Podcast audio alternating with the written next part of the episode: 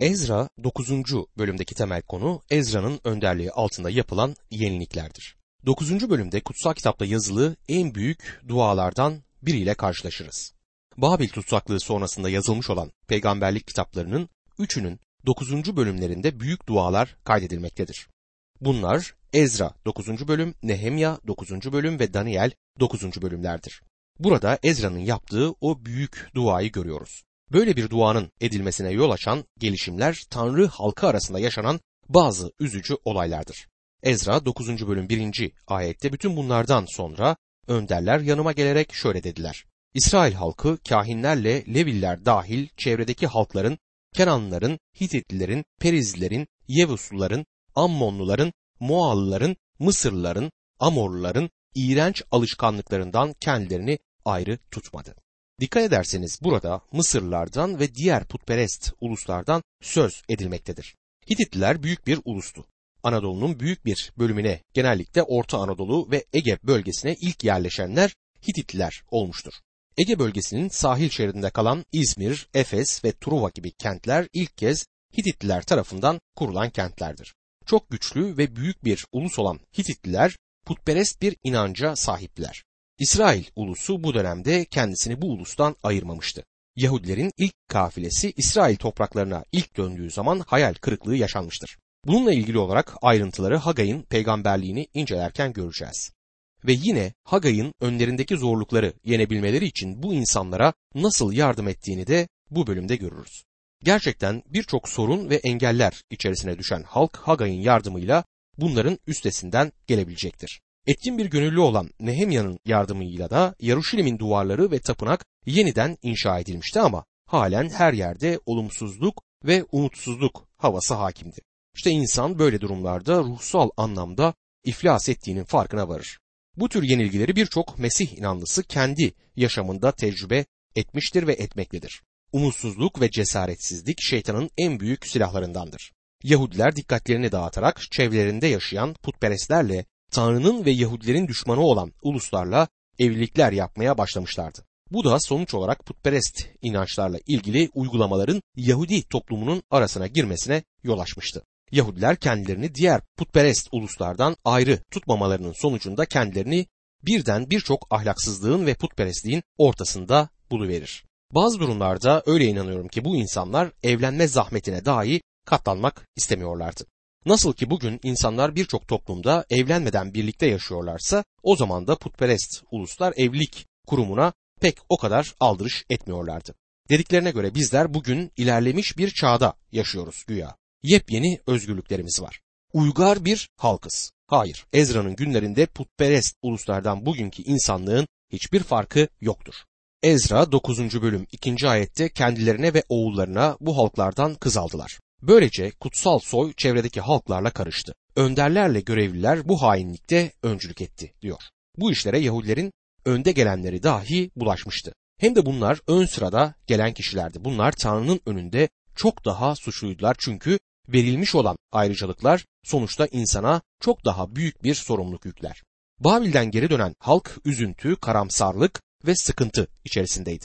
Bu durumda Ezra'nın yapabileceği bazı şeyler bulunmaktadır. Gidip insanlara vatanseverlik konusunda konuşmalar yapabilir, halkın milliyetçilik duygularını kabartabilirdi. Ama Ezra böyle yapmadı. Yine Yahudilerin diğer putperestlerle olan evliliklerini, ahlaksızlıklarını kınar, onları yargılayan konuşmalar yapabilirdi. Ama bunu da yapmadı. Ya da başka bir şeye başvurabilirdi. Bir kuruluş oluşturur ve böyle evlilik yapmış olan çiftlerin eğitimlerine katkıda bulunmaya çalışabilirdi ama hayır. Bu tür şeyleri bugün bizler yapıyoruz ama Ezra bizim bugün uygulamalarımıza alışkın değildir. Onun ne yaptığına dikkatinizi çekmek isterim. Ezra bugün alışkın olmadığımız bir şey yapıyor. Bunu 9. bölüm 3. ayette okuyoruz. Şöyle yazıyor. Bunu duyunca giysimi ve cübbemi yırttım. Saçımı sakalımı yoldum. Dehşet içinde otura kaldım diyor. Unutmayın ki Ezra kendi ana vatanı olan İsrail topraklarına Zerubbabil'in önderliğindeki 50 bin kişilik ilk kafilenin dönmesinden 75 yıl sonra dönmüştür. Ezra 2000 kişilik kafileyle beraber Yaruşilim'e vardığında tapınağın yapılmış olduğunu ama Yaruşilim'in surlarının henüz yapılmamış olduğunu görür. İnsanlar üzgün ve sıkıntılı bir durumdadırlar. İçlerinden birçoğu putperest uluslarla evlilik bağı kurmuştur. Ahlaksızlık ve putperestlik her yerde kol gezmektedir. Yahudiler kendilerini bu putperest uluslardan ayırmışlardı ve bu nedenle büyük bir ahlaksal çöküş yaşamaktaydılar. Tüm bu gerçekler Ezra'ya anlatıldığı zaman Ezra büyük bir şok geçirir. Tanrı halkının bu kadar aşağılara düşebileceğine inanamıyordu. Bazı şeyleri hiç beklemediğimiz uygulamaları kiliselerde gördüğümüz zaman bizi ilgilendirmez diyerek işin içinden çıkamayız. Bizi elbette ilgilendirir. Yanlış bir şeyi görünce parmağımızı uzatıp sallayarak o şeyi suçlamak hepimizin kolayına gelir ama bakın Ezra ne yapıyor? Halkının içine düşmüş olduğu günahlar nedeniyle o kadar üzüldü ki bu üzüntü nedeniyle giysisini yırttı ve saçlarını yoldu. Onlara karşı yüklenip savaş açacağına bambaşka bir şey yapıyor Ezra. Bize kalsaydı biz onları bir güzel azarlar ve eleştirirdik ama Ezra bambaşka bir adım attı. Ezra 9. bölüm 4. ayette sürgünden dönenlerin bu hainliğinden ötürü İsrail'in tanrısının sözlerinden titreyenlerin hepsi çevremde toplandı. Bense akşam sunusu sunulana dek dehşet içinde kaldım diyor. İsrail'in tanrısının sözlerinden titreyenlerin hepsi çevremde toplandı. Ne kadar güzel. Burada kısa bir ara verip bir şey söylemek isterim. Kaç kişi Tanrı'nın sözlerini ciddiye alıyor? Kiliselerdeki tutucu grupları çok yakından tanıdığımı söyleyebilirim. Kendim de defalarca bunlara tanık oldum. Tutucu kilise üyelerinin çoğu Tanrı'nın sözlerini sevdiğini söyler ve bunu kanıtlamak için de içlerine not aldıkları renkli kalemlerle işaretledikleri kutsal kitaplarını gösterirler. Ama ilginç olan şey şu ki kendi yaşamları bir sürü çiziklerle, işaretlerle dolu olduğu halde bu şeyleri yaşamlarından atmak için hiçbir şey yapmazlar. Tanrı sözüne inandıklarını söylerler ama Tanrı sözünün onların yaşamında etkili olduğunu görmezsiniz. Bunlar Tanrı'nın sözleri karşısında titremezler. Dünyadaki insanlar gibi Tanrı sevgidir derler. Evet Tanrı sevgidir. Bunu bilmek ve söylemek çok güzel. Ama dahası da var. Tanrımız kutsal bir Tanrıdır. Günahı er geç cezalandıracaktır. İşte Ezra'nın canını sıkan, onu rahatsız eden şey de buydu. Ezra akşam sunusuna kadar şaşkın bir şekilde oturmuştur. Yahudilerin işlemiş olduğu günahlar Ezra'yı çok şaşırtmıştı. Sormak istiyorum bu olaylardan bugün bizler bir ders alıyor muyuz? Tanrı'nın sözlerine ne kadar inanıyoruz? Sevgili kardeşim, senin ve benim yapmamız gereken bir şey var. Sessiz ve sakin bir yere gidip Rab'le baş başa kalmalıyız ve kendimize sormalıyız. Ben Tanrı'nın sözlerine gerçekten inanıyor muyum? Bu sözlere itaat ediyor muyum? Bakın İsa Mesih Yuhanna 14. bölüm 15. ayette ne diyor? Beni seviyorsanız buyruklarımı yerine getirirsiniz. Ezra devamında 9. bölüm 5. ayette akşam sunusu saati gelince üzüntümü bir yana bırakıp kalktım. Giysimle cübbem hala yırtıktı. Diz çöküp ellerimi Tanrım Rabbe açtım. Tanrı'ya el açmak ne demektir? Tanrı'ya el açmak demek ondan hiçbir şeyi gizlememek demektir. Dua yoluyla ona yaklaştığınız zaman düşünce ve canınızla onun önünde apaçık bulunuyorsunuz demektir. Ezra Tanrı'ya elleri açık gitmişti. Tanrı'dan hiçbir şey saklamıyor ve gizlemiyordu. Elçi Paulus da bu doğrultuda 1. Timoteus 2. bölüm 8. ayette şöyle der. Buna göre erkeklerin öfkelenip çekişmeden her yerde pak eller yükselterek dua etmelerini isterim. Bu gerçeği dua hayatımızda unutmamamız gerekmektedir. Ezra'nın duasına bakın. Ezra 9. bölüm 6. ayette şöyle dua ettim. Ey Tanrım yüzümü sana çevirmeye utanıyorum, sıkılıyorum. Ey Tanrım günahlarımız başımızdan aşkın, suçlarımız göklere ulaştı. Ezra'nın ne dediğine iyice dikkat edin. Ezra burada duasındaki sözlerde çünkü onların günahları, fesatları başlarından aştı, büyüyüp göklere ulaştı demiyor. Ne diyor? Günahlarımız başımızdan aşkın, suçlarımız göklere ulaştı diyor. Ezra 9. bölüm 7. ayette atalarımızın günlerinden bugüne dek suçlarımız içinde boğulduk. Günahlarımız yüzünden biz de krallarımızla, kahinlerimiz de yabancı kralların eline teslim edildik. Kılıçtan geçirildik, sürgüne gönderildik. Yağmalandık. Bugün de olduğu gibi aşağılandık diyor. Ezra'nın sözlerine kulak verin. Bu gerçekten büyük bir duadır. Ezra yabancı bir ülkede sürgün yaşamanın ne demek olduğunu çok iyi biliyordu. Kendisi ya Babil tutsaklığı döneminde ya da tutsaklıktan önce doğmuştu ve küçük bir çocukken Babil'e götürülmüştü. Tutsaklığın sürgün hayatının ne olduğunu çok iyi bilen birisiydi. Tanrı'nın kendisini yargılayacağını fark ettiği zaman titremesinin nedeni budur. Yeniden sürgüne gitmek istemiyordu. Sevgili arkadaşım, bugün dünyada Tanrı tarafından yargılanan pek çok insan var. Bu konuda size birkaç örnek gösterebilirim. Birkaç yıl önceydi. Zührevi bir hastalığa yakalanıp eriyip giden bir adam yanıma geldi. Hayatı boyunca bir kadından diğerine zevk ve sefa aleminde yaşamıştı. Bana bir şey olmaz diyordum ama işte bu pis, rezil hastalıktan ölüp gideceğim dedi. Ve dediği gibi o pis hastalıktan öldü. Bazıları Tanrı ona merhamet etseydi diye düşünüyordu. Tanrı ona merhamet edebilirdi elbette ama unutmayalım ki bu adam suçluydu. Tanrımız kutsal bir tanrıdır ve er geç günahı yargılayacaktır. Tanrı sözü karşısında titremek şöyle dursun. Kılımızı dahi kıpırdatmıyoruz. Bu hiç de iyiye alamet bir şey değildir. Benden söylemesi. Ezra 9. bölüm 8. ayette şimdi ise Tanrımız Rab bir an için bize acıdı. Sürgünden kurtulan bir azınlık bıraktı bize. Kutsal yerinde bize sarsılmaz bir destek verdi. Gözlerimizi aydınlattı. Köleliğimizde bize yenilenme fırsatı sağladı diyor. Bu çok güzel bir ayettir. Ezra bir anlamda şöyle diyor. Tanrı tarafından bize birazcık lütuf gösterildi. 70 yıllık tutsaklık dönemi sona ermişti. Tanrı İsrail halkının topraklarına geri dönmesine izin verdi. Ama ne oldu? Bu insanlar topraklarına döndükleri halde sürgüne gitmeden önce dedelerinin yediği aynı haltı bu kez kendileri yaptı. Zaten en başta yaptıkları bu pislikler nedeniyle sürülmemişler miydi? Babil günlerini ne kadar hızlı bir şekilde unutuyorlardı. Ezra burada sürgünden kurtulan bir azınlık bıraktı bize dediği bir gruptan söz eder. Bunlar İsrail topraklarına geri dönmek için karar veren, bu çağrıya itaat eden Yahudilerdir. Yahudi ulusunun büyük bir çoğunluğu İsrail'e geri dönmeye yanaşmadı. Geri dönenler ise sadece arta kalanlardı. Kutsal yerinde bize sarsılmaz bir destek verdi. Gözlerimizi aydınlattı diyor. Burada geçen destek sözü İbranice'de kazık ya da çivi anlamına gelmektedir. Bu çivi Mesih'tir. Mesih İsa benim kurtuluşum için haç üzerinde çivilendi ve benim uğrumda can verdi.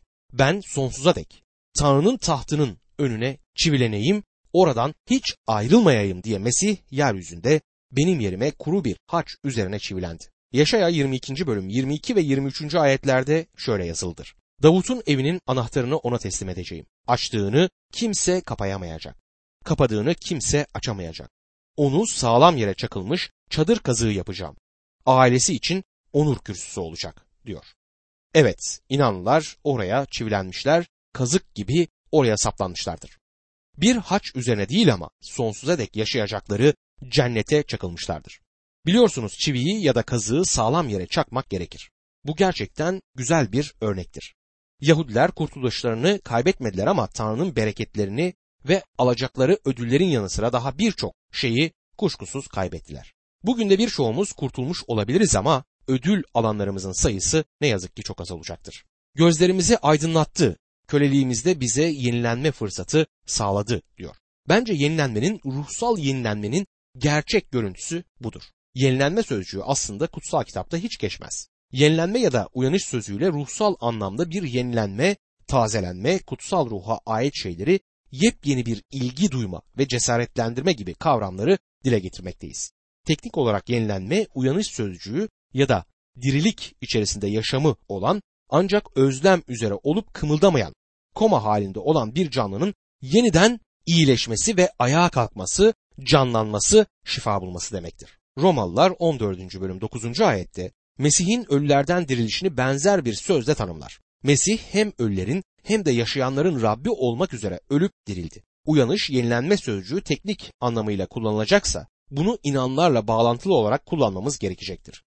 Bu sözcük bu kapsamda inanlının ruhsal bir düşüklük, hareketsizlik içinde bulunurken yaşama, canlılığa, hareketliliğe geri döndüğünü anlatır. Burada da Ezra'nın günlerinde yaşayan Yahudilerin arasında böyle bir uyanış, yenilenme, canlılık yaşanacaktır. Ezra duasına şöyle devam eder. Ezra 9. bölüm 9. ayette. Köle olduğumuz halde Tanrımız bizi köle bırakmadı. Pers krallarının bize iyi davranmalarını sağladı. Tanrımızın tapınağını yeniden kurmak, yıkık yerleri onarmak için bize yenilenme fırsatı verdi. Yarışilim'de ve Yahuda'da bize bir korunma duvarı verdi diyor. Tanrı bu ulusa ne kadar büyük iyiliklerde bulunmuştu. Şimdi günahlarından tövbe ediyorlardı ve Tanrı da onları artık yavaş yavaş bereketleyecektir. Ezra 9. bölüm 10 ila 13. ayetler arasında Ey Tanrımız bundan başka ne diyebiliriz? Kulların peygamberler aracılığıyla verdiğin buyruklara uymadık. Şöyle demiştin. Mülk edinmek için gitmekte olduğunuz ülke orada yaşayan halkların iğrençlikleriyle kirlenmiştir. İğrençlikleri yüzünden ülke baştan başa murdarlıklarla doldu. Bunun için kızlarınızı onların oğullarına vermeyin. Onların kızlarını da oğullarınıza almayın. Hiçbir zaman onların esenliği ve iyiliği için çalışmayın. Öyle ki güç bulasınız, ülkenin iyi ürünlerini yiyesiniz ve ülkeyi sonsuza dek oğullarınıza miras bırakasınız. Başımıza gelenlere yaptığımız kötülükler ve büyük suçumuz neden oldu. Sen ey Tanrımız bizi hak ettiğimizden daha az cezalandırdın ve bize sürgünden kurtulan böyle bir azınlık bıraktın. Diğer bir deyişle Ezra burada hak ettiğimiz cezaların hepsini çekmedik. İşlemiş olduğumuz günahların karşılığında almış olduğumuz cezalar çok daha fazla olmalıydı diyor. Ezra 9. bölüm 14 ve 15. ayetlerde yine buyruklarına karşı gelecek miyiz? Bu iğrençlikleri yapan halklarla evlilik bağıyla karışacak mıyız? Bunu yaparsak tek kişi sağ kalmadan yok edilinceye dek bize öfkelenmeyecek misin? Ey İsrail'in tanrısı Rab! Sen adilsin. Bugün sürgünden kurtulan bir azınlık olarak bırakıldık. Senin önünde durmaya hakkımız olmadığı halde suçlarımızın içinde önünde duruyoruz. Bu insanlar sadece ve sadece Tanrı'nın merhameti, günahların tövbesi, Mesih'in kefareti ve Tanrı'nın lütfu aracılığıyla kurtulabilir ve yenilenebilirlerdi. Ezra'nın bu duası nedeniyle Tanrı bütün bu şeyleri onların yararı için yapacaktır. Orada bulunan Yahudilerin arta kalanları Tanrı'nın merhametinden yararlanabilmek için haykıra haykıra ağlayacaklardı. Bizler de bu duruma geldiğimiz anda Tanrı bizi de işitecektir. Ezra 10. bölümde büyük dua toplantısından sonra Yahudilerin arasında büyük bir ruhsal yenilenmenin ve uyanışın başladığını görürüz. Ve her nerede ruhsal bir uyanış yaşanmışsa her zaman yenilikler de o yerde arka arkaya gelmiştir. Bir yerde gerçek ruhsal uyanış varsa bunu kanıtlamak için parmak işlerini incelemenize gerek olmaz. Çünkü ruhsal uyanış kendi kendisini çok açık ve etkili bir şekilde belli edecektir. Ezra 10. bölüm 1. ayette ağlayarak kendini Tanrı'nın tapınağının önünde yere atan Ezra dua edip günahlarını açıkladı. Bu arada erkek, kadın, çocuk, İsrail'den çok büyük bir topluluk Ezra'nın çevresine toplandı. Onlar da hıçkıra hıçkıra ağlıyordu. Büyük ağlayışlarla ağlayacakları bu dakikalarda halkın üzerine birden günahlarının getirmiş olduğu suçluluk duygusu geliverdi. Bu duyguyla 7'den 70'e herkes günahlarına dövünüyor ve tövbe ediyordu. Bu onların kesinlikle ihtiyaç duyduğu bir durumdur. Ezra 10. bölüm 2. ayette Elem oğullarından Yehiel oğlu Şekenya Ezra'ya şöyle dedi. Çevremizdeki halklardan yabancı karılar aldığımız için Tanrımıza ihanet ettik. Buna karşın İsrail için hala umut var. Şekenya adlı bu adam günahlarının farkına varan ve bunlardan tövbe etmek isteyen bu adamların sözcüsü durumundadır. Ezra'nın yanına gelerek şöyle diyor. Tanrımıza karşı günah işledik. Bu samimi bir itiraftır. Sözlerini sürdürerek ülkede yaşayan uluslardan kendimize yabancı karılar aldık diyor. Artık işledikleri günahları bir bir sayabilirlerdi. Bu bizim içinde böyledir. İşlemiş olduğumuz günahları açıkça söylemeli ve ikrar etmeliyiz. Bu insanların yaptıkları şeyler Musa'nın yasasına kesinlikle karşıydı. Evlilik gibi bu çok önemli konuda kutsal yazılara danışmamışlardı. Diğer bir deyişle kutsal kitap hükümlerinden uzaklaşmışlardı. Bundan böyle kendisini Tanrı'nın merhametine bırakarak şöyle diyor. Buna karşın İsrail için hala umut var. Ezra 10. bölüm 3. ayette senin ve Tanrımızın buyrukları karşısında titreyenlerin öğütleri uyarınca bütün yabancı kadınları ve çocuklarını uzaklaştırmak için Tanrımızla şimdi bir antlaşma yapalım. Bu antlaşma yasaya uygun olsun.